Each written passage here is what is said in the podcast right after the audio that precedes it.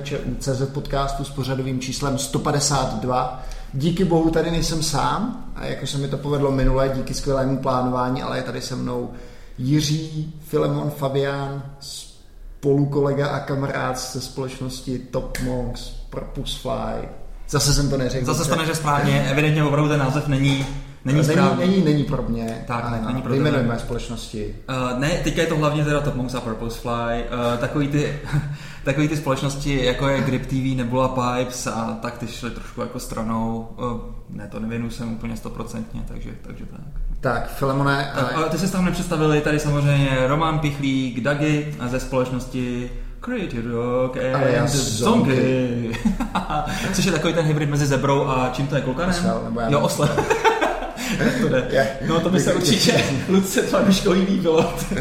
No já teda musím říct, že, že naši investoři velmi myslím ty, kteří investují přes zonky, tak velmi pečlivě sledují všechny mediální kanály, a všechno, co se v tomto, v tomto podcastu řekne, tak je vždycky použito proti mně. Takže my vlastně to... můžeme hejbat trhem, to je úžasný. No, vy spíš nás můžete pěkně vyhej, můžeš nás pěkně vyhejtovat. Dobře, dobře, ne, nebudu to dělat. Uh, tak, Dagi, uh, já už jsem úplně zapomněl, co jste tady vlastně natáčel bez mě. Tak, uh, naposledy, naposledy jsme tady měli podcast, který se týkal Facebooku a Instagramu. Aha. A myslím, že to bylo, že to bylo super. No takhle, myslím si, že to bylo super, ale s tebou by to bylo ještě lepší, kámo. To bych ti nechtěl pochlebovat, ale ty bys měl takový ty úderné otázky.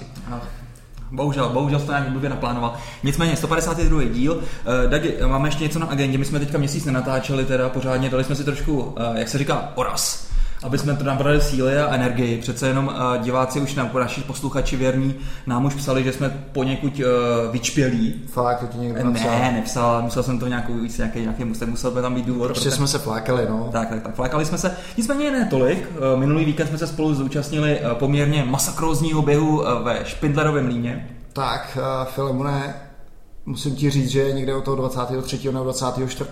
kilometru jsem ti začal závidět, že si běžel tu kratší trať. Ty jsi věděl z minula, co děláš. Já teda musím říct, že dneska je pondělí, to znamená dva dny po tom závodě a jsem ještě teda popravený neuvěřitelně. Nemůžu sejít schody. Musíme ještě tady říct nějaké reály ohledně toho běhu, abyste věděli, co to bylo opravdu za masakr. Tady milý Dagi uh, byl prvnička na ultraběhy, a rozhodl se, že si dá 49 km. Ne, 51, kamaráde. Počkej, počkej, počkej. 49 km oficiálně jenom, že každý ví, že při eh, záv- uh, organizátoři všech ultra nikdy neuvedou správné číslo, takže to je jednou 51, jednou je to 55, takže vlastně nevíte, kolik poběžíte. Nakonec to teda říká, že, že jste běželi 51, já jsem viděl, že to bylo i dokonce 53, že někdo naměřil. Tak to se asi musel někde ztratit. Mě teda GPS ukázala a 51. Tak a nastoupáno, kilometr, nastoupáno metrů. Podle GPS asi 2,3, ale v propozicích bylo 2,9, tak nevím, kolik to teda nakonec bylo. No, já myslím, že to bylo 2,3. 2,9 to nebylo. Nicméně to je stejně krásný, ty si to zvládl super čas, veď, pod 7 hodin. 6,55. Takže, no. takže, takže skoro o hodinu lepší než, eh, než já minulý rok. Ale zase, Filemone, na tvoji obranu to byly neporovnatelné podmínky, protože vy jste běželi o 20 stupňů víc a každý běžec ví, že, že to... teplo, teplo, teplo a sluníčko to je to, to lidi, tam, lidi, lidi tam padali jak mouchy. My, Max, uh, vy se samozřejmě můžete podívat na uh, Dagiho finisherskou fotku, která je úžasná. Uh, mě na tom udivilo to, že si Dagi vlastně za celý ten závod ne, to neschodil tu bundu šílenou. No ona je, ona je, jenom, ona je to jenom taková vlastně šlupička jo. a ze začátku jsem si teda nadával, ještě asi 30 sekund před startem jsem si říkal, že ta bunda půjde dolů. Nakonec jsem běžel s ní. Děkuji ti za za baťoch a za všechny rady, které jsi mi dal do závodu. Musím teda říct, že prvních 30 km to byl spíš Nordic Walking, ale pak jsem běžel. Teda vyhecovala mě nějaká holka, která běžela za mnou, to jsem si řekl, tam mě nemůže, nemůže doběhnout. Bohužel jsem teda udělal taktickou chybu, že jsem finišoval na 49. kilometr a tam jsem zjistil, že jsou ještě dva do cíle. Jo, jo. A, z, a z toho je tam to 300 metrů stoupání do sjezdovky mm. a to, to mě teda, to mě teda udělalo. Každopádně Dagi, tady z toho bývají přátelství na celý život. Doufám, že na ní máš číslo ne, to jsem si nevzal. Ona tam na mě v cíli čekala těhotná manželka. Jo, takže, je, jo, to, to, většinou, to většinou zkazí veškerý seznamování, bych tak. Tak, uh, výborně, uh, naši posluchači. Dagi, zúčastní se dalšího ultra, nebo tě to úplně odradilo? Uh, vždycky po tom závodě si říkám nikdy, ale nikdy neříkej nikdy, možná něco zkusím. Uh, hlavně teďka se chci specializovat na ten triatlon, takže, takže se zlepšu v plavání. A já myslím, že přesně tady ten okamžik zažije tvoje žena v září, kdy bude rodit a po porodu taky bude říkat, hele, nikdy, nikdy a po týdni už bych chtěl další. Tak to většinou ženy mají, přece jenom ta paměť je celkem, uh, celkem zá, zázračná věc a selektivní. selektivní. Tak. Nicméně, nejsme tu sami dva, protože bychom se povídali pouze o běhání, jak už víte, a to samozřejmě nechceme, protože zase tak vtipné to opřímně není. A máme tady výborného hosta, vlastně naší stálici, a tím je? Tomáš Rosa. Tomáš Rosa, čau Tomáš. Ahoj Tomáš. Čau, čau, čau, pánové, čau uh, posluchači. Tome, díly s tebou jsou vždycky neuvěřitelně populární, protože ty máš opravdu vypravěcký talent. Uh, o čem to bude dneska? Eh, dneska to bude o útocích na radionavigační služby, zejména GPS, ale zabrousíme i do připravovaného Galilea, dotkneme se ruského GLONASSu a podobně. Takže souborně budeme mluvit o službách GNSS, Global Navigation Satellite Systems. To je ten správný buzzword, který by si měli posluchači z našeho dílu odnést. Jasně, jasně. A kdyby si měl říct nějakou uh, motivaci, proč by nás vlastně takováhle věc, takováhle oblast měla zajímat? No tak, z lidského hlediska. Taky několikrát zmínil co překonal podle GPSky a předpokládám, že to byl záměrný nalejvák. V podstatě já jsem proti němu sportovec, teoretik, nicméně pokud si vezmu svůj telefon do své laboratoře, tak to podle GPSky uběhnu taky. A troufnu si říct, že rychleji. Dobře, nicméně to jsou takové fany, uh, fany aplikace, určitě vlastně ty nám povíš i o nějakých uh, poměrně nebezpečnějších případech, kdy se vlastně tady, tady těch útoků dá zneužít. Takže kde začneme? Uh, Jak jsi se k tomu dostal možná? Jak jsem se, ano, eh, to, dostal jsem se k tomu hned přes jeden z možných způsobů eh, zneužití a to je u časových služeb. Totiž teď budu muset udělat malou odbočku a trošku jenom zmínit, jak vlastně radionavigační systémy typu GPS nebo li obecně GNSS fungují. Bude to krátké, doufám, že srozumitelné. Eh, takže zatněte zuby, posluchači, a vydržte. Představme si pro jednoduchost, eh, že satelity mají podobu jednoduchých analogových ciferníků. Něco jako kdyby po těch orbitálních drahách kolem Země kroužil jeden budík za druhým a vy jste pomocí silného dalekohledu byli schopni pozorovat, jaký je momentálně stav ručiček. A řekněme, že ty ručičky mají mnohem lepší přesnost než je vteřinová přesnost, nech mají přesnost na, řekněme, stovky nanosekund. A vlivem toho, že světlo se od toho ciferníku odražené k vám bude šířit konečnou rychlostí, která je konstantní v daném eh, prostředí, tak vy uvidíte různé spoždění na těch ciferníkách. Pokud je budete sledovat v čase teď na Zemi, tak i když ten systém se budete snažit udržovat tak, aby vytvářel zdání jednotného času pro zemského pozorovatele, tak stejně uvidíte, že ty ciferníky se oproti vám o něco spožďují. Bude to přesně o tu dobu, která trvá světlu překonat úsek mezi tím ciferníkem a vaším okem. A podle toho, jak daleko se zrovna který ciferník nachází, tak se vám bude zdát, že se více či méně spožďuje. A přesně takhle funguje systém například GPS, kdy vy nesledujete ty ciferníky dalekohledem, ale sleduje je váš radiopřijímač, ale v podstatě dělá velmi podobnou věc, jako když by, vy byste se koukali na ty odražené ručičky. A to sice, že neustále sleduje, jaké spoždění má který signál z kterého satelitu.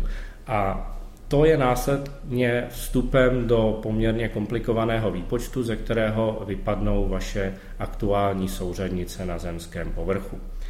Ovšem, takhle by to vypadalo, že by vám stačily, řekněme, tři satelity pro určení tří neznámých, kterými jsou souřadnice eh, v klasickém kartéském eh, systému XYZ. Jenomže to by znamenalo, že vy máte k dispozici přesný referenční čas toho systému, například GPS. Tohle obvykle ani v tom nejdražším telefonu k dispozici mít nebudete, takže vy budete muset vypočítat ještě čtvrtou neznámou a tou je korekce vašich hodin vůči systému GPS. A pokud bychom se bavili jenom o tom, že chcete vědět, kde zrovna jste na matičce Zemi, tak vám tahle čtvrtá proměna je v podstatě lidově řečeno ukradená a ten systém ji vypočítá jako vedlejší produkt a může ji zase pro vás klidně zapomenout. Ne tak systémy, eh, které se rozhodly, že budou právě a zejména na tuto proměnou cíly, to znamená, že ne ani tak polohu, jako přesný čas budou odvozovat ze systému GNSS, například GPSky nebo. GLONASSu. Existuje na trhu spousta NTP serverů, které jedním koncem vysílají do vaší infrastruktury pakety protokolu NTP, ve kterých pravidelně hlásí, co se děje s časem. A druhým koncem jsou připojeny k anténě nejčastěji systému GPS, odkud právě dopočítávají aktuální přesný čas. Přesností řekl bych minimálně na jednotky mikrosekund, ale spíš to bývají i stovky nanosekund. A tímto způsobem řídí vaši infrastrukturu. Ehm, tak to bylo i v řadě firem, kde jsem byl přizván ke konzultaci bezpečnosti tohoto systému a jsem si říkal, všechno vypadá skvěle. Samozřejmě eh, člověka tady může napadnout řada jiných útoků založených čistě na protokolu NTP, jeho podvrhování do sítě a podobně. Eh, tam je hřiště pro síťové fajnšmekry eh, prakticky otevřené. Nicméně mě na tom zaujala právě ta bezprizorná anténa, kde si na střeše, o kterou se nikdo pranic nestaral. A když jsem se ptal, jak je to těžké na tu střechu vylézt, například tu anténu odpojit a do toho koaxiálního kabelu si pustit, co jen budu chtít, tak se všichni tvářili, že proč bych to dělal, ale když budu chtít, tak ať si to klidně udělám, že přece o nic nejde. No a tu už byl jenom krůček k tomu. To obvykle, když eh, lidem z bezpečnosti řeknete, přece o nic nejde, mm-hmm. tak eh, to obvykle v nich eh, vzbudí silný zájem. Stejně tomu bylo i v tomto případě, to znamená, začal jsem zjišťovat, jakou strukturu vlastně ten signál má, jaké tam jsou ochranné prvky a tak dále. No a zanedlouho už jsem byl schopen posunout eh, čas takového serveru, kam jsem si řekl. A to si nemyslím, že jsem učinil nějaká průlomová eh, objevení.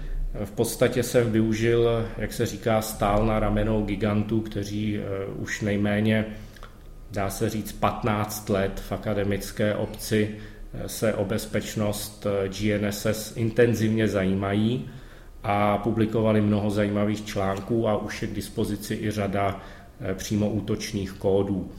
Eh, bohužel musím říct, stejně tak, jako se o to intenzivně zajímá tato akademická sféra, tak se o to intenzivně nezajímají výrobci přijímačů a dnes prakticky téměř všechny přijímače, které seženete na trhu, jsou zranitelné těmi s prominutím nejsprostšími útoky, protože se tam na nějakou kontrolu integrity eh, z vysoka s prominutím kašle. Bohužel takový je stav a já doufám, že se to co nevidět změní. Mm-hmm. Takže tak jsem se k tomu dostal já. Já, mě jenom napadá takový typ útoků nebo jedna z věcí, když, když mluvíš o tom čase a třeba typicky to můžou být eh, validace různých tokenů a assertion, kdy vlastně ty by si mohl posunout čas jo, a díky tomu prostě už dávno nevalidní tokeny by mohl někdo používat? Eh, těch eh, mm, jaksi konečných cílů je celá řada. Obvykle, když se s tímto tématem zjevím na některé konferenci, což jsem během posledních měsíců několikrát provedl, a udržuji pravidelně aktualizovanou jednu předlouhou prezentaci, která je v té své podobě prakticky již neprezentovatelná, protože počet snímků přesáhl stovku a stále stoupá. E, nicméně pro posluchače rád dám k dispozici odkaz. Je to skutečně průřez e, tímto tématem určený zejména studentům kteří by se chtěli tomu tématu začít věnovat, to znamená to taková pomůcka, aby rychle naskočili do vlaku, aby věděli, co si mají přečíst a jsou tam i naprosto konkrétní praktické ukázky, co si mohou doma vyzkoušet. Zde bych udělal takovou ještě odbočku v odbočce, eh, vlastně proč bychom tím měli být znepokojeni. Ještě před pár lety, řekl bych tak před deseti, by toto patrně šlo odbít se slovy, no ano, ale aby někdo vyslal falešný signál například GPS, ať už přímo do koaxiálního kabelu nebo eh, vazbou mezi anténami, eh, tak musí v první řadě být docela schopný radioelektronik, musí sestavit vysílač, což je disciplína sama pro sebe, který funguje tak, jak má a tak dále. Jako vášnivý letitý radioamatér dokážu potvrdit, že tohle opravdu není úplně jednoduché a triviální a pokud to není vaše, vaše hobby nebo vaše profesionální erudice, tak si myslím, že to průměrný člověk zkrátka nedá. A Tedy by bylo možné říct, dobře, takový útok je schopno provést pár lidí na země kouli, v nejhorším případě jsme schopni je všechny ohlídat, dát je někam pod zámek nebo minimálně zjišťovat, co oni dělají. Nebojte se toho eh, lidé z veřejnosti. Ovšem eh, v posledních letech se nám objevuje jeden velmi zajímavý fenomén. Říká se mu softwarové rádio. A jako softwaráři vidím, že se vám očička rozzářily jak vánoční stromečky, ano, je to přesně to, co ten název slibuje. Je to rádio, kde to, co byste jinak museli dělat s páječkou, cínem a součástkami, realizujete pomocí instrukcí příslušného programovacího jazyka. Takže těžiště z provedení tohoto útoku se přesunulo z bastlířského stolu do debugru, do prostředí, které je bližší eh, mnoha lidem na celém světě samozřejmě pořád je nutné mít určitou znalost teorie signálu a soustav eh, digitálního zpracování signálu a podobně, ale to všechno se týká toho prvního, toho, který tedy ten softwarový balík pro to příslušné softwarové rádio eh, vytváří. Ti všichni ostatní mohou jednoduše sedět doma, přes internet si objednat příslušnou hardwareovou platformu, protože podobně Vlastně si to představte jako dnešní počítač. Dnešní počítače jsou univerzální automaty, které můžete pomocí programových instrukcí naprogramovat, aby vám dělali téměř, co vás napadne. Podobně e, softwarové rádio vyžaduje určitou univerzální hardwareovou platformu, pro ilustraci pár odkazů můžeme dát k tomuto článku, respektive k tomuto příspěvku, abyste věděli, jak ono to vypadá v praxi. A do toho univerzálního hardwareu nahrajete e, příslušný kód, který přeložíte nějakým překladačem a ten kód bude na tom univerzálním rádiovém hardwareu realizovat konkrétní demodulaci, dekódování a všechny tyhle věci, které vás napadají kolem. A jakmile někdo jednou dá k dispozici e, útok vedený například proti GPSC v podobě softwarového balíku pro softwarové rádio, tak vy si jednoduše z pohodlí obýváku napřed objednáte kompatibilní hardware, pro který je toto určeno a jakmile vám přijde poštou, tak si z internetu, z GitHubu nejčastěji stáhnete příslušný softwarový balík, přeložíte, uploadujete do rádia, pustíte a voilà, GPS vám dělá, co chcete. A přesně tohle je detailně popsáno v té prezentaci, jejíž link visí u tohoto rozhovoru. Takže nechci tím samozřejmě a nesmím k čemukoliv navádět. Zneužití těchto nástrojů je v řadě zemí světa ilegální a tak dále. Disclaimer si do, hmm. doplňte, jaký jen chcete. Nicméně mrkněte na to a třeba vás to bude k něčemu hmm. inspirovat. Jak se při takovémhle útoku třeba dělá to, že se musí ten originální signál nějak zastínit, taky ne, aby mi tam jako nevadil? Eh, samozřejmě se s ním musíme nějak vypořádat. Hmm. Proto také ty útoky eh, lze rozlišit podle například obtížnosti právě přenosu toho tvého falešného signálu do nešťastného napadeného přijímače. Úplně eh, nejsnažší cestu má útočník v tom případě, který jsem zmínil úvodem, to znamená koaxiální kabel mířící sugestivně kam si na střechu, tam naprosto nehlídaně zakončený nějakou aktivní anténou, aktivní anténa je taková, která má v sobě vlastní nízkošumový zesilovač, aby eh, se předešlo ztrátám na koaxu nevratným. A tuto anténu jednoduše se na ní ošklivě podíváš, pak ji utrhneš a do toho koaxu přímo na tvrdo pošleš to, co tam má být posláno s nějakým přenosem, eh, jak si v prostředí se příliš netrápíš. Musím říct, že tento útok je sympatický z toho hlediska, že krom obyčejně šetrný k tomu okolí, protože eh, jak si selektivně napadneš opravdu jenom ten přijímač, který je na druhém konci toho koaxu, hmm. a e, ostatní přijímače, které jsou dostatečně daleko od tebe, hmm. e, budou nedotčeny. Podotýkám dostatečně daleko od tebe. Jasně. Nicméně nedá se očekávat, že třeba letadla nezačnou padat. No, e, neměla by, doufám. Okay. Jo? Letadla si nepoužívají GPS, ne? K tomu se dostaneme, ale jenom teďka ještě k tomu parazitnímu vyzařování. Opět je to ukázáno v té prezentaci a Za tímhletím pozorováním stojí kolega Jirka Buček z Pražského FITu.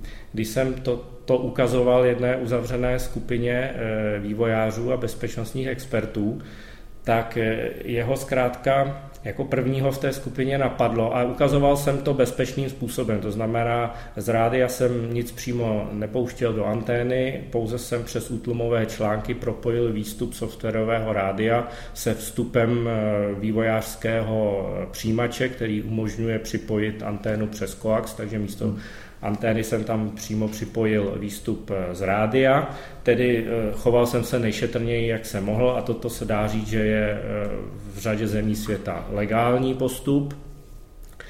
Tak jeho zkrátka napadlo kulišáka stejně si pustit GPS na svém telefonu a dívat se, co se bude dít.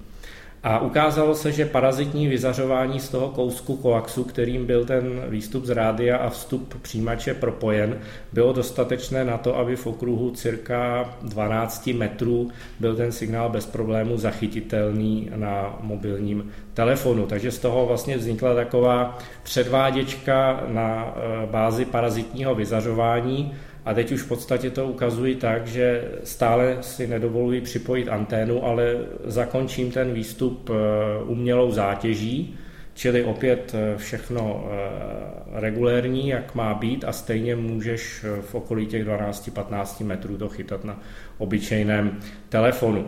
Dokonce iPhony jsou například tak nezbedné, že pokud to nemáš explicité vypnuto, tak si synchronizují čas právě pomocí GPS-kového signálu a když jsem si to doma ladil, tak několikrát už mě následující den ráno žena upěnlivě prosila, ať už těch kravin nechám, protože by ráda, aby telefon šel konečně správně. Ono totiž, když ten telefon jednou uvidí falešný signál tohoto typu, tak se ho drží takovým úporným způsobem, že, že to chvíli trvá to, to z něj vytlouct.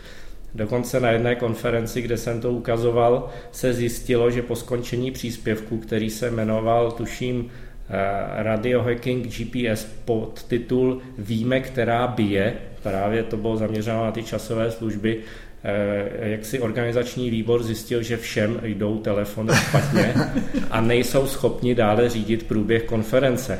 Těžko si přát lepší vyvrcholení příspěvku s tímto názvem. Takže má to řadu komických konsekvencí. Ale ty si mluvil o letadlech. No tak eh, na palubě letadla bych to tedy neskoušel ani do té umělé zátěže. Mm-hmm. To si myslím, že tam člověk by mohl hazardovat eh, tedy rozhodně přes příliš. Samozřejmě je tam řada ale.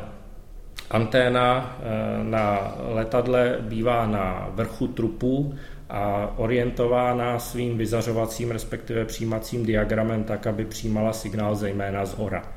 To ovšem neznamená, že nebude mít nějaké postranní laloky, tomu se prakticky nedá vyhnout. A prakticky toto je taková duchařina, že těžko říct, co by z toho letadla kudy bylo schopno se jak proplazit, tak aby to ta anténa viděla. Rozhodně eh, nyní tedy s veškerou vážností takové hrátky vřele nedoporučuji, nebo spíš důrazně nedoporučuji. Eh, ono by se nemuselo stát ani to, že třeba by ten palubní počítač byl zmaten tím vaším signálem, že byste přímo vnutili jaksi falešný kurz, ale mohli byste ho zarušit. A hmm. už jenom to by mohlo vyvést pilota z míry a mohl by například reagovat tím, že udělá nouzové mezipřistání, což je pro vás eh, dost zbytečné zdržení a následně by mohlo dojít k prohledání pasažérů na palubě, zvlášť pokud by na vás někdo hodil teplý bonc, že jste mhm. si tam hráli s notebookem právě předtím, než pilot oznámil, že přistanete neplánovaně někde jinde.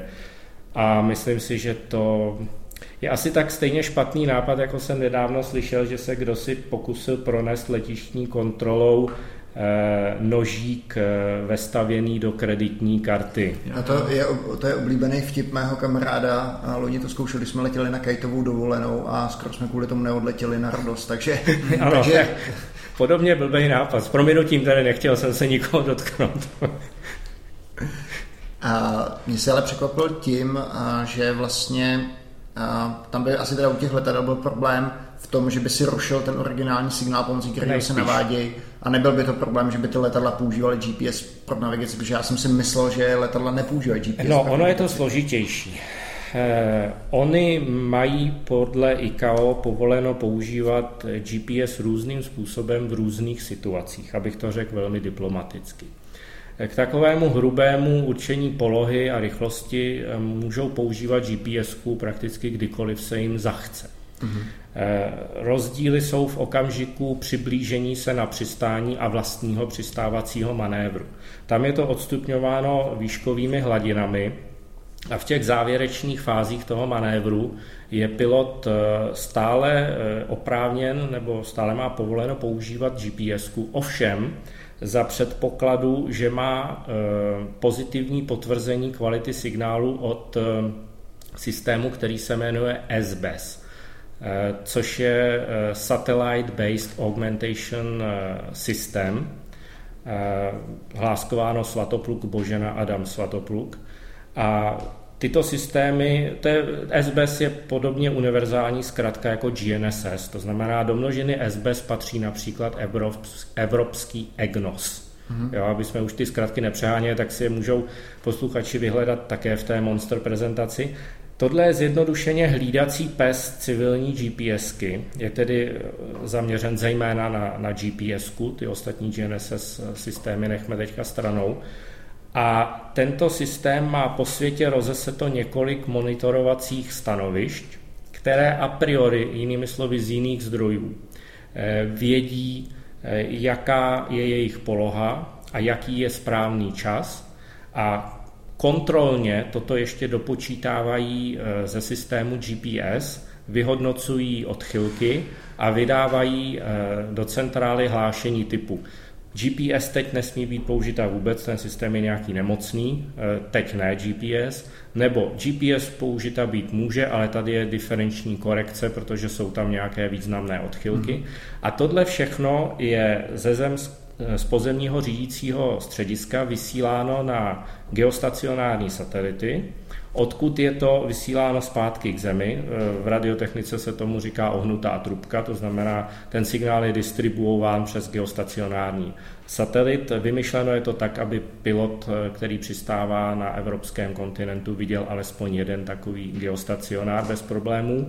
Aby to bylo ještě jednodušší, tak ten geostacionár se sám o sobě tváří jako další združit systému GPS, takže přijímač je schopen to poměrně snadno zpracovat, takový signál. Nicméně po eh, určitém rádiovém předspracování se pak data tohoto signálu zpracovávají jinak a pilot má zjednodušeně řečeno na palubní eh, desce indikátor, který mu podle EGNOSu, když přistává v Evropě, pomocí jiného systému, když přistává například v Americe, říká, teď nesmíš GPS použít, mm-hmm. takže buď přistávej pomocí jiných systémů, nebo pokud je mlha nebo cokoliv jiného, tak přidej, obleť letiště, opakuj mm. přiblížení. A nebo mu říká, teď je GPS v pohodě a i když je mlha hustá tak, že by se dala krájet, tak on až téměř do toho závěrečného manévru, dokud nevidí světla, ne, neslyší radiomajáky pořádně, tak zkrátka na klapkách přistává eh, podle GPSky. To je ta dobrá zpráva. Ta špatná zpráva je, že ani EGNOS, ani jiný SBS systém nemá v sobě žádnou extra ochranu, takže i tento signál spolu s těmi ostatními lze podvrhnout. Mm-hmm. Dokonce v jednom ze svých experimentů, který je udělán tak, že nahrává, eh, ty útoky se řadí stručně řečeno do tří kategorií. Rušení, tedy jamming, kdy se snažíš zarušit eh, originální signál, takzvaný meconing, což by se eh, v bezpečácké branži spíš řekl jako replay attack, to znamená přehraješ originální signál, který si zachytil v nějakém místě, v nějakém čase, až nakonec takzvaný spoofing, kdy generuješ čistě synteticky svůj signál. Tak je, tohle bylo v situaci, kdy jsem testoval ten útok s opakováním signálu, tedy meconing, a víceméně Vedlejším produktem bylo, že jsem nahrál i jeden geostacionár EGNOSu, tuším, že to byl Inmarsat, a eh, jak si, když jsem ten signál přehrál do přijímače, tak přijímač eh, spokojeně zachroustal, řekl, vidím EGNOS, chvilku mu to trvalo, pak řekl, eh, EGNOS říká, že systém GPS je momentálně v pořádku. Opět v té prezentaci to vypadá jako onen již dobře známý falešný pocit bezpečí, je potřeba se EGNOSu zastat v tom smyslu, že on nebyl navržen k tomu, aby odhaloval takovéto útoky. Ani nemůže. On by potom musel mít ty referenční monitory všude tam, kde se může vyskytnout eh, zdroj eh, nežádoucího signálu ale to tak on postaven není. To už jsme si řekli, on má těch monitorů pár a ten útočník by musel být tedy jo trulant, aby ten svůj falešný signál pouštěl takže to zrovna jeden z monitorů EGNOSu uslyší. A nebo by to mohl být dokonce i zvláštní druh útoku na tento systém, mhm. něco jako denial of service, že on uvede EGNOS eh, do stavu, že si bude myslet, že signál GPS se právě nedá použít a protože někde bude hustá mlha, takže by se dala kraje, tak letadla budou veselé kroužit nad letištěm a žádný z nich si netroufne přistát. Těžko říct, kam až se to dá dovést. Rozhodně, jak jsem řekl již eh, dříve, fantazii se tady meze nekladou. To tedy ne. To mě napadá, že tohle je přece obrovská zbraň pro nejenom teroristické útoky, ale vlastně pro a, kyberválku, že jo, to se dá, je, to se dá použít. Be, bez pochyby ano. Eh, já si myslím, že eh, jsem tady v tuto chvíli vděčný, eh, že jsme na území České republiky, to říkám se veškerou vážností, protože žádná z mocností světa sem nezasahuje tak silně, aby se tady takovýto výzkum nedal celkem volně a pokud si člověk dá pozor na skutečné vysílání toho signálu, tak se domnívám, že i beztrestně provozovat. Například tady nám na stole leží časopis IEEE Spectrum, aktuální číslo, kde je e, celý článek věnovaný problematice falšování signálu GPS. E, jsou tam u toho zmíněni pionýři tohoto oboru e, z Texaské univerzity v Austinu, zejména tedy profesor Humphreys a profesor Psiaky. Doporučuji vřele k přečtení, dáme případně opět odkaz, existuje to i v elektronické podobě.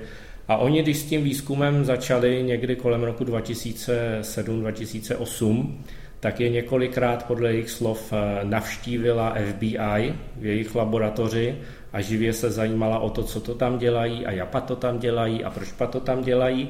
A když to nějakým způsobem ustáli, protože podotýkám, že existuje nějaká těsnější vazba mezi eh, americkou vládou a touto univerzitou, protože tato univerzita například spravovala a dodnes spravuje některé monitorovací eh, stanoviště radionavigace Spojených států amerických tak i přesto je, jak si FBI přišla navštívit a vyptávala se a zejména se prý báli toho, aby se e, zdrojové kódy, protože oni už to tenkrát stavili na softwarovém rádiu, nedostali do Číny, Iránu a podobně.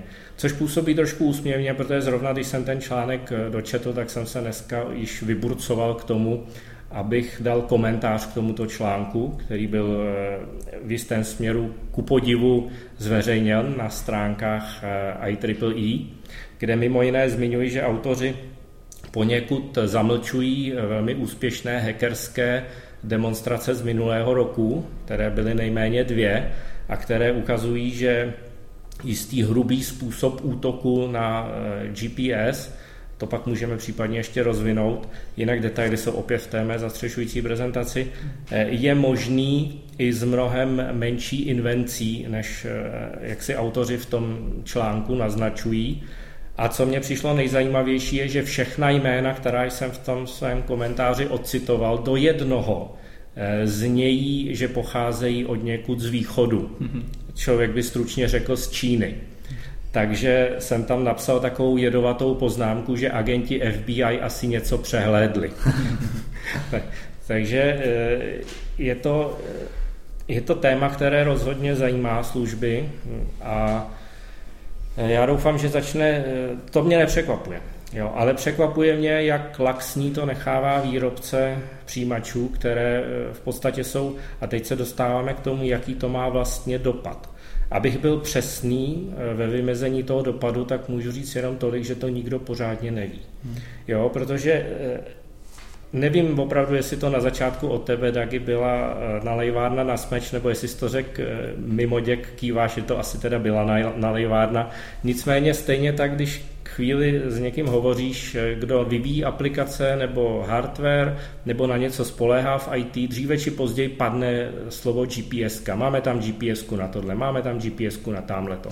Takže ono dneska jednoduše najít, kam všude úspěšně penetrovaly ty levňoučké moduly přijímačů GPS je téměř nemožné a dá se to vidět jenom zpětně, pokud se něco pokazí. Například v jedné velmi pěkné knižce je detailováno pár skutečných incidentů, které například vychází už z toho prostého rušení signálu. Člověk by řekl rušení. To je, já jsem to uvedl jako hned ten první druh útoku a můžu si posluchači říct, no tohle není vůbec zajímavé, to jako pojďme od toho. Ale ono, co by útok odepření služby, čili denial of service, je to velmi zajímavé a je například pěkně popsán jeden incident, kdy americké námořnictvo testovalo, myslím tím eh, marináci, testovali Eh, útoky, všechny možné, co je mohou potkat na moři a tím pádem i rušení GPSky, takže zapli vlastní rušičku a testovali tam nějaké manévry. Pak ji nějak zapomněli vypnout a zajeli si na svačinu k pobřeží. A, postup, a postupně na tom pobřeží začala kolabovat celá infrastruktura. No. Začalo to tím, že kluci, by, na kluci si zajeli na hotdog a málem toto město položilo, jo? protože e, začalo to tím, že vypadly mobily. Protože oni tam zejména používají systém CDMA pro mobily a ty jsou velmi náchylné k přesné synchronizaci. A ty jednotlivé takzvané BTSky to berou právě ze systému GPS. Hmm. Takže ty se za chvilku rozladili natolik, že se nikdo nikam nedovolal, zjednodušeně řečeno. Dále pak samozřejmě vypadly GPSky v autech a podobně. Eh, dále potom vypadla městská signalizace, protože ta se nakonec taky přenáší nějakou datovou sítí a ta nakonec taky přestala fungovat. Takže všude byly zácpy, nikdo se nikam nedovolal, GPSky těm řidičům nic neukazovaly, respektive hmm. ukazovali jim nesmysly. Takže taková ta panika eh, začala správně narůstat. Co se vlastně stalo teď? A ještě američani k tomu nemají daleko, že? Zna, uvidějí ucpaný silnice, zkusej zavolat manželce nebo kamarádovi, telefon je totálně hluchý, eh, světla vypadá, že ty za chvilku spadnou na zem, no tak ty už vidějí, že, že už jsou tady, že jo. Konec světa. Že už to tady lítá, už jenom jako čeká, jestli talíř zleva nebo talíř zprava, a tam někdo hodí frisbee a oni skáčou do kanálu. Takže to je, to je samozřejmě ještě ten americký kontext, ale ve finále vypadly třeba i pagery eh, eh, lékařům eh, z nemocnic. Hmm. Takže i kdyby byl třeba nějaký chirurg natolik ducha přítomný, že by byl ochotný dojet do špitálu na kole, hmm. tak nemohl, respektive nedozvěděl se to. Hmm. Bypassy se roste synchronizovaly, viď? Takže to je jako prostě zkrátka jednoduše to až v takovéto situaci, kdy opravdu něco vypadne, hmm. tak eh, potom zjistíme, jak je ta naše infrastruktura náchylná. A člověk by řekl, že to je vlastně jenom o té pozici, ale to je spíš o tom čase. A ono, e, jako já jsem čím dál tím víc přesvědčený, že ne ta poloha, ale ten čas hmm. je to, co dneska infrastruktura z GPSky hlavně potřebuje. Nicméně, ale jsme trošku odlehčili. E, teďka v nedávné době se vlastně tady ten GPS spoofing dostal vlastně na oči veřejnosti také v takové trošku odlehčenější a vtipnější variantě a to je Pokémon Go a respektive falšování polohy ve hře Pokémon Go.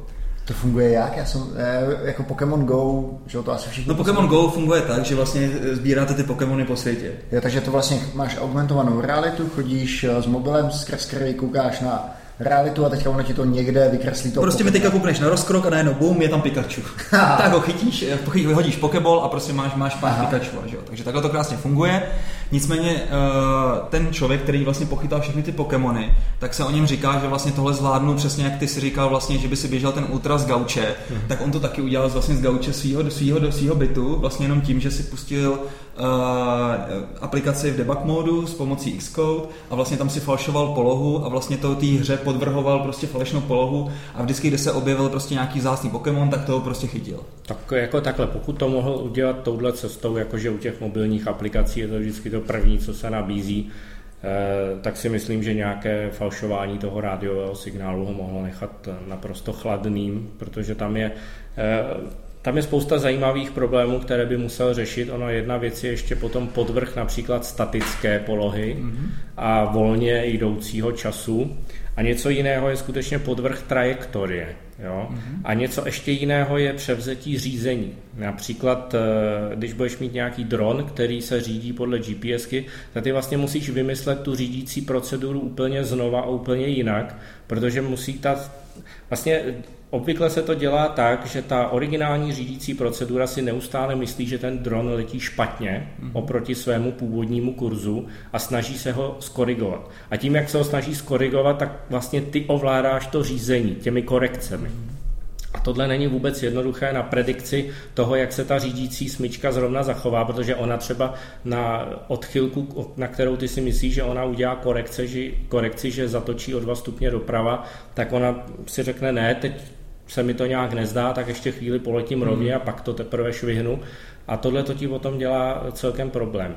To se například ukázalo, když se právě e, tým profesora Humphreyse pokoušel rekonstruovat údajné zneužití falšování signálu GPS při unesení eh, dronu Hercules 170 Sentinel, mm. což je bezpilotní letadlo eh, Spojených států amerických eh, průzkumné, řekneme, řekněme-li to takto mírně. Diplomaticky. Diplomaticky, které v roce 2011 unesly právě v Iránu. A jak si eh, tvrdí Iránčané, že eh, k tomu únosu právě zneužili falešný signál GPS. K tomu se okamžitě vyrojí a vyrojilo a bude vyrojovat řada ale. První ale je za prvé, tyhle letadla, jak už jako sice název napovídá, jsou bezpilotní v tom smyslu, že tam živý člověk nesedí, ale živý pilot je někde jinde a má možnost ten stroj ovládat. Na to oni odpovídali údajně tak, že eh, v první řadě zarušili jeho řídící signál, což se dá udělat. To dneska jako rádiové signály jsou zarušitelné. Eh, otázkou je, jaká tam byla kryptografická ochrana, někdy je ten signál těžké najít ve spektru a tak dále, ale pokud zase eh, do toho šla celá armáda Iránu, tak oni si asi příliš s nějakými standardy FCC nedělali těžkou hlavu, takže tam nejspíš zarušili úplně všechno, včetně mikrovlné trouby. A, takže řekněme, že tahle část příběhu je uvěřitelná. A druhá část příběhu je, že ten dron má pak, pak naprogramováno automaticky se vrátit na nejbližší základnu e, s přátelenou Spojeným státům. A v tuto chvíli oni mu údajně podvrhli souřadnice tak, že on si myslel, že přistává na zpřátelené e, e, jaksi dráze někde v Afghánistánu, údajně tuším, ale přitom přistával v Iránu. A je teda pravda, že tomu trošku na, nahrává strohé konstatování jednoho důstojníka armády Spojených států, který naprosto konkrétně reagoval slovy, náš bezpilotní letoun přistál na místě, kde jsme neočekávali, že přistane.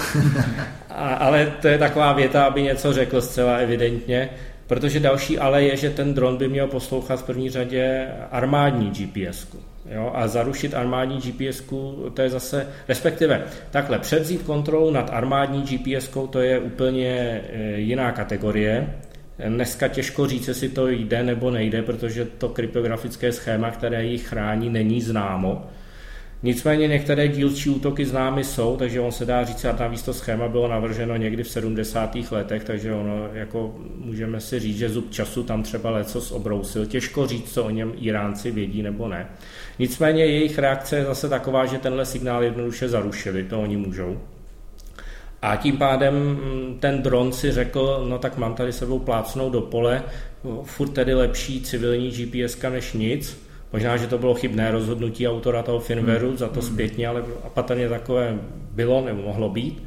A ten dron si řekl, dobře, tak poletím podle e, civilní GPSky a e, bude všechno v pořádku. A ta byla právě podvržena. No, nebudu to protahovat těch, ale je tam ještě řada dalších. Například ten signál by měl právě, jak jsme si říkali, kvůli tomu, že anténa je na vrchu trupu a přijímá signál ze zhora, tak by se měl tvářit, že přichází ze zhora. Na to je zase reakce, že použili odraz v troposféře, velmi dobře, dobře známý mezi radioamatéry jako troposférické zrcadlo, takže zatím vždycky na každé ale bylo proti ale a potom ve finále to vede tak daleko, že údajně existuje nějaký monstr ruský, systém namontovaný na nějakém starém tahači, možná ještě nějaký Tatře.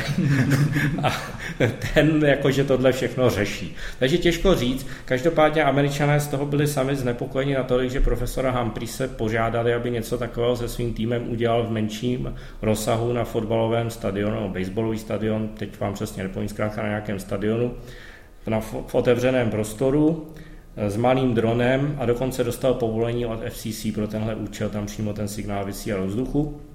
A z jeho článku je patrno za A, že to lze, tedy v principu ano, jde to, ale druhak prakticky zabrousili do úplně jiné oblasti pro ně, jako pro experty na radionavigaci, právě do systému kybernetiky, řízení těchto strojů a vůbec vymýšlení toho, jak převzít kontrolu nad tou řídící smyčkou pomocí těch neustálých korekcí.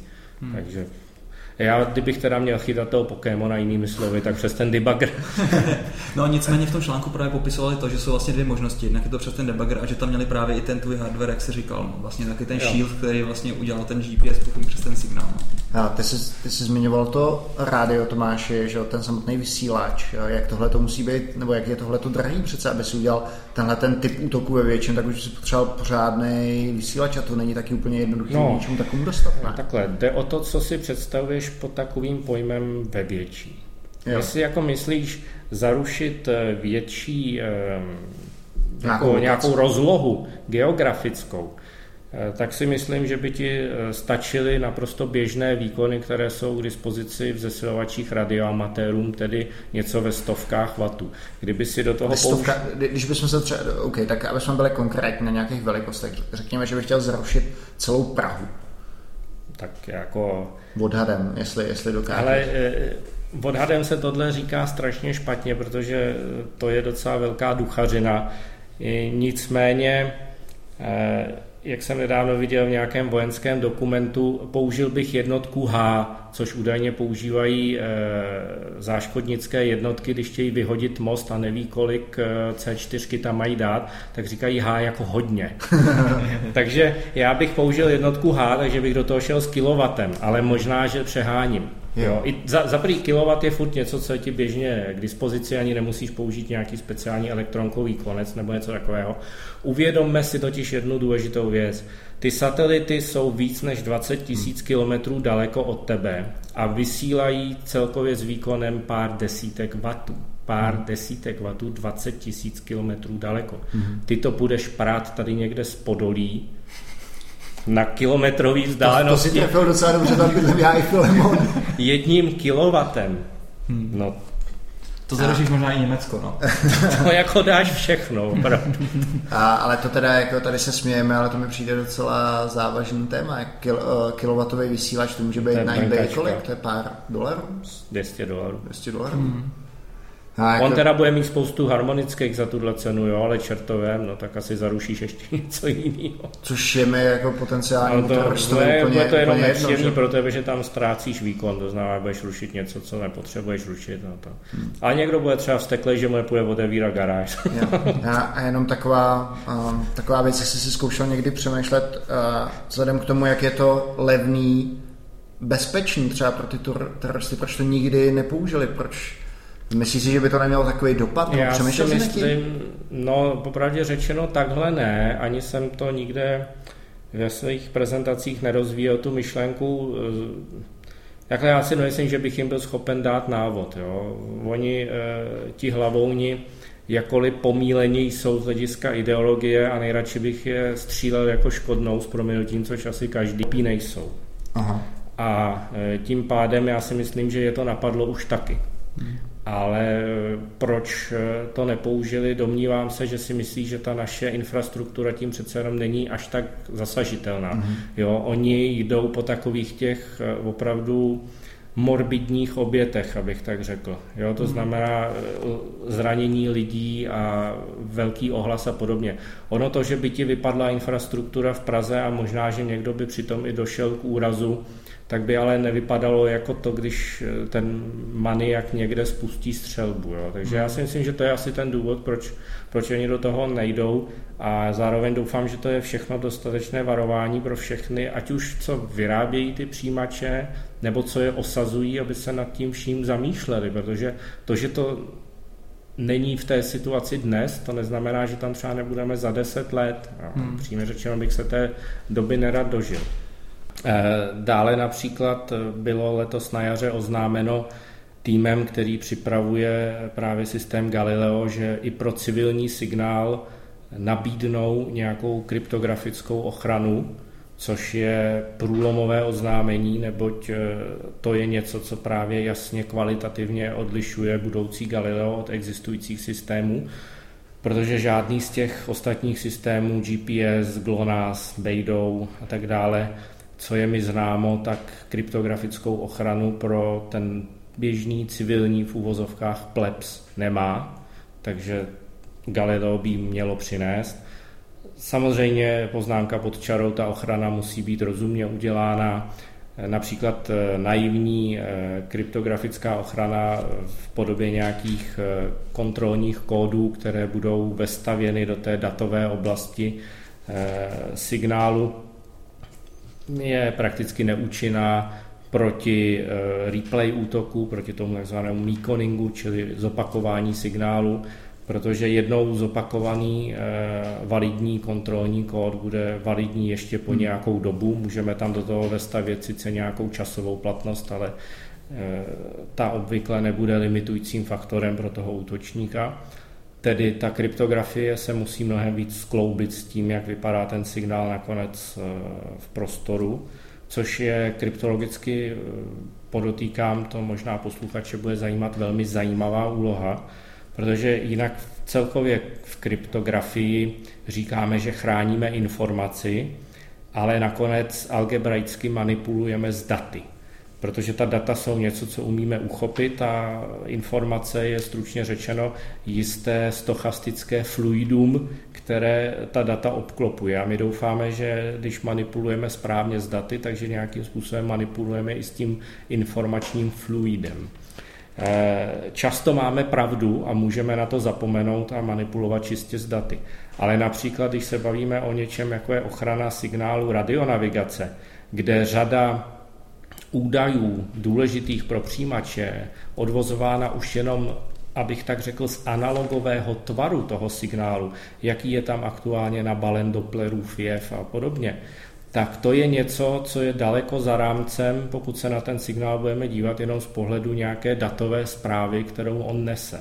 Čili tady musí kryptologové hodně vylézt ze svých věží na terén a začít přemýšlet úplně jinak o tom signálu a úplně jinak ho modelovat, aby byli schopni tou svojí kryptografickou konstrukcí skutečně chránit to, co chránit být má, chráněno být má, a nejenom nějaký směšný uh, cancourek tam, kde si, kterému oni zrovna začali říkat datová zpráva.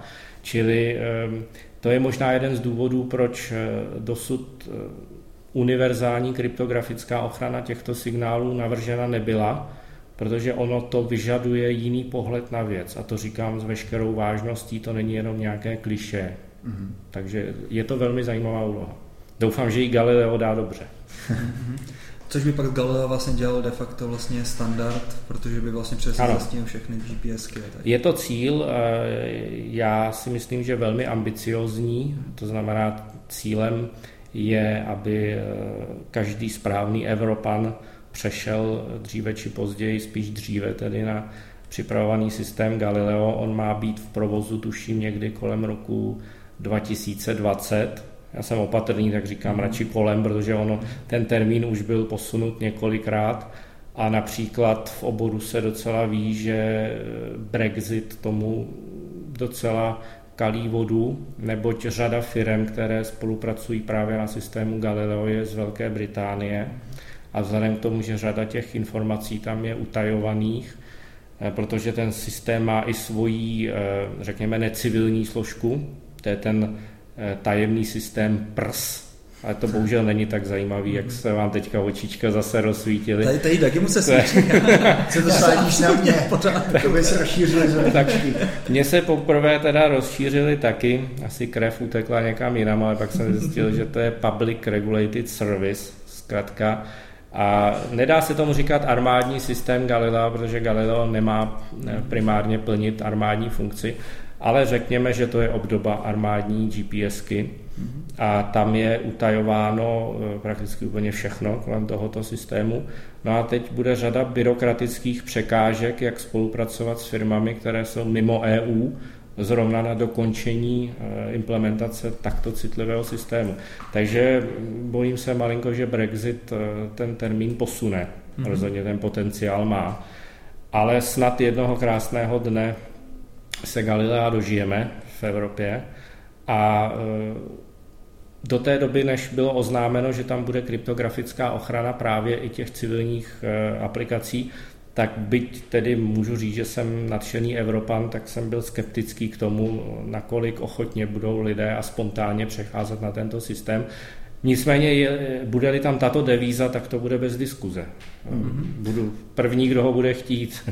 Takže budoucnost není tak černá, jak se možná mohlo posluchačům zdát. Určitě ne. Z tý, z tý první Nemluvili, části. a navíc není to problém jenom, jak říkám, GPSky, eh, je to problém i Galilea, nicméně Galileo se k tomu staví tak, jak se staví, to znamená, chce ten problém řešit, takže Galileo je, řekněme, ten pěkný vzorový příklad, eh, hodný následování. Je to i problém tajuplného ruského, dříve sovětského GLONASSu, který v tichosti provozuje eh, nyní Rusko a v podstatě eh, i v iPhonech je tento systém brán se stejnou vahou jako GPS, to znamená, hmm. to je vlastně úplně takový moment, kdy eh, vy si řeknete, že máte americkou technologii v ruce a když vám eh, bátuška Putin bude pouštět eh, falešný signál GLONASSu civilní, což on může udělat, protože si řekne, že v Rusku si to nějak ohlídá a zbytek světla je mu ukradený, tak najednou to začne ovlivňovat vaši americkou technologii zvanou iPhone. Takže to je vůbec takový pozoruhodný moment, který jsem právě zjistil při tom experimentování, hmm. že, že iPhone v tichosti nicméně s velkou vahou interpretuje i systém GLONASS. Eh, tak eh, tedy v tichosti takhle ono je deklarováno, že ho umí přijímat. Hmm. Ono to není tak jako v tichosti, že by se o té podpoře vůbec eh, nevědělo. Ale překvapilo mě zkrátka s jakou vahou a razancí a naprosto samozřejmě tomuto systému naslouchá. A tento systém trpí stejnými zranitelnostmi, a některé byly poprvé popsány právě nebo demonstrovány, to je přesnější výraz, v té prezentaci, která je přibalena k tomuto příspěvku.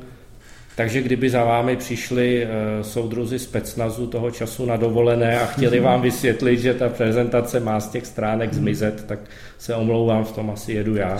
Když tak, když tak Filemone, u tebe budou v tom podolí dřív, tak mi pak zavolají.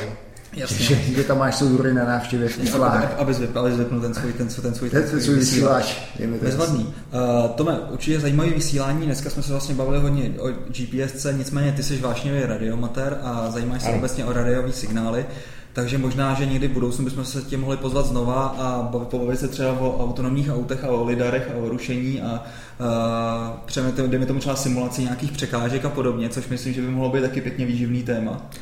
Beze všeho bude mi samozřejmě potěšením. Já vlastně jsem mm, asi někdy kolem devíti let si postavil první eh, jednoduchou takzvanou krystalku. Ono to sobě Aha. nemělo krystal, ale bylo to něco, čemu se v té době říkalo krystalka.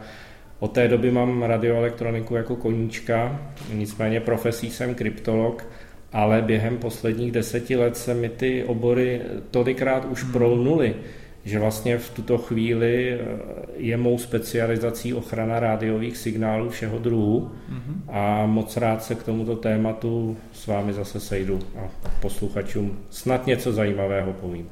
Taky. Díky za vyčerpávající povídání, Tomáše. A... My jsme záměrně Tomáše vlastně vůbec nepřerušovali, protože jak jsem protože to nejde. Začátku, to nejde. A hlavně, hlavně ty máš opravdu dar vypravický, takže, takže to bylo neuvěřitelně zajímavé. Já jsem se dozvěděl o sebe spoustu nových věcí. A Nikdy by mě ještě jednou vlastně nenapadlo to, že vlastně nejde u GPS až tak úplně o, tý, o, o tu polohu jako ten čas, což je, což je Super. fatální občas.